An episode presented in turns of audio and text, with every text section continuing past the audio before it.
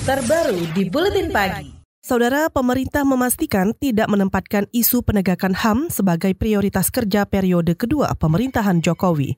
Istana Kepresidenan melalui Sekretaris Kabinet Pramono Anung berdalih, fokus perhatian Jokowi lima tahun ke depan adalah membangun sumber daya manusia, bukan hak asasi manusia. Jadi memang penekanan pada pidato uh, Presiden kali ini adalah di sana bukan hak persoalan yang menyangkut HAM. Karena praktis persoalan HAM ya memang semua negara pasti punya persoalan HAM, tapi tidak menjadi hal yang terutama yang bagi pada saat ini. Pada saat ini kalau kita mau keluar dari negara menengah menjadi negara maju, maka persoalan human capital itu menjadi yang utama. Sekretaris Kabinet Pramono Anung menuturkan Presiden Jokowi berniat membawa Indonesia maju dengan SDM unggul.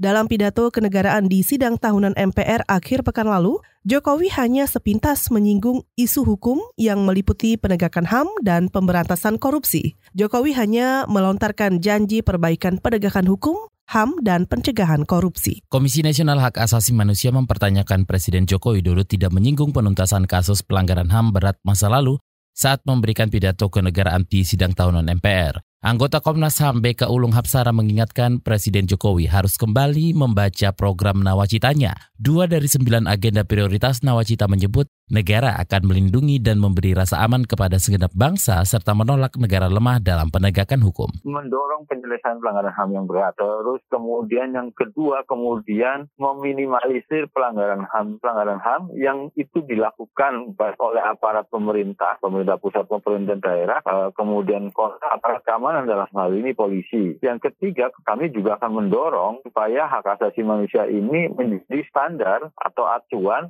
bagi pembangunan infrastruktur, kemudian atau pembangunan daerah yang saat ini sedang digalakkan Pak eh, Jokowi. Anggota Komnas HAM BK Ulung Hapsara menambahkan untuk memperjelas apakah pemerintahan periode kedua Presiden Jokowi memprioritaskan penegakan HAM atau tidak, harus menunggu dikeluarkannya dokumen rencana pembangunan jangka menengah nasional atau RPJMN 2020-2024.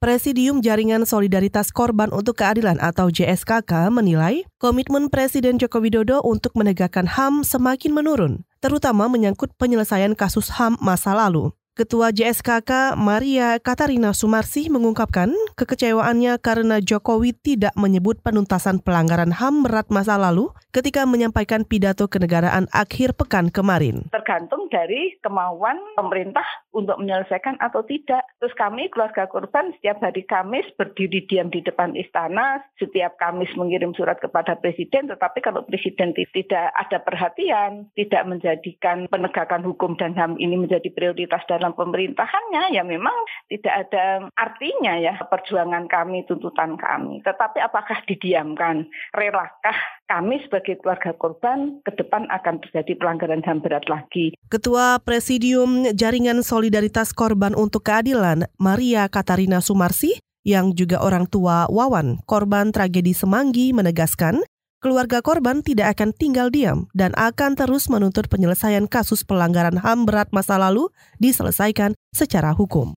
LSM Amnesty International Indonesia menilai poin penegakan HAM dalam pidato kenegaraan Presiden Jokowi di sidang tahunan MPR kemarin hanya retorika kosong.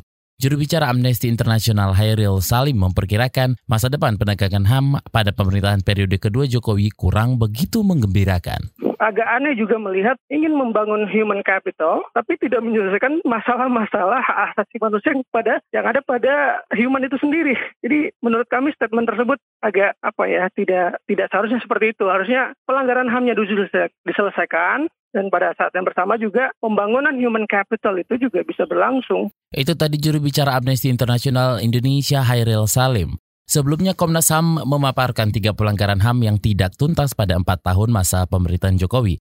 Tiga pelanggaran HAM itu antara lain penuntasan HAM berat masa lalu seperti kasus menembak misterius, penghilangan paksa aktivis, tragedi Trisakti Semanggi 1, Semanggi 2, Talangsari, kerusuhan Mei 98, dan masih banyak lagi. Lalu konflik sumber daya alam dan agraria, serta kasus pelanggaran HAM intoleransi seperti misalnya penyerangan jemaah Ahmadiyah di Lombok Timur, Nusa Tenggara Barat pada Mei tahun lalu. KBR, inspiratif, terpercaya.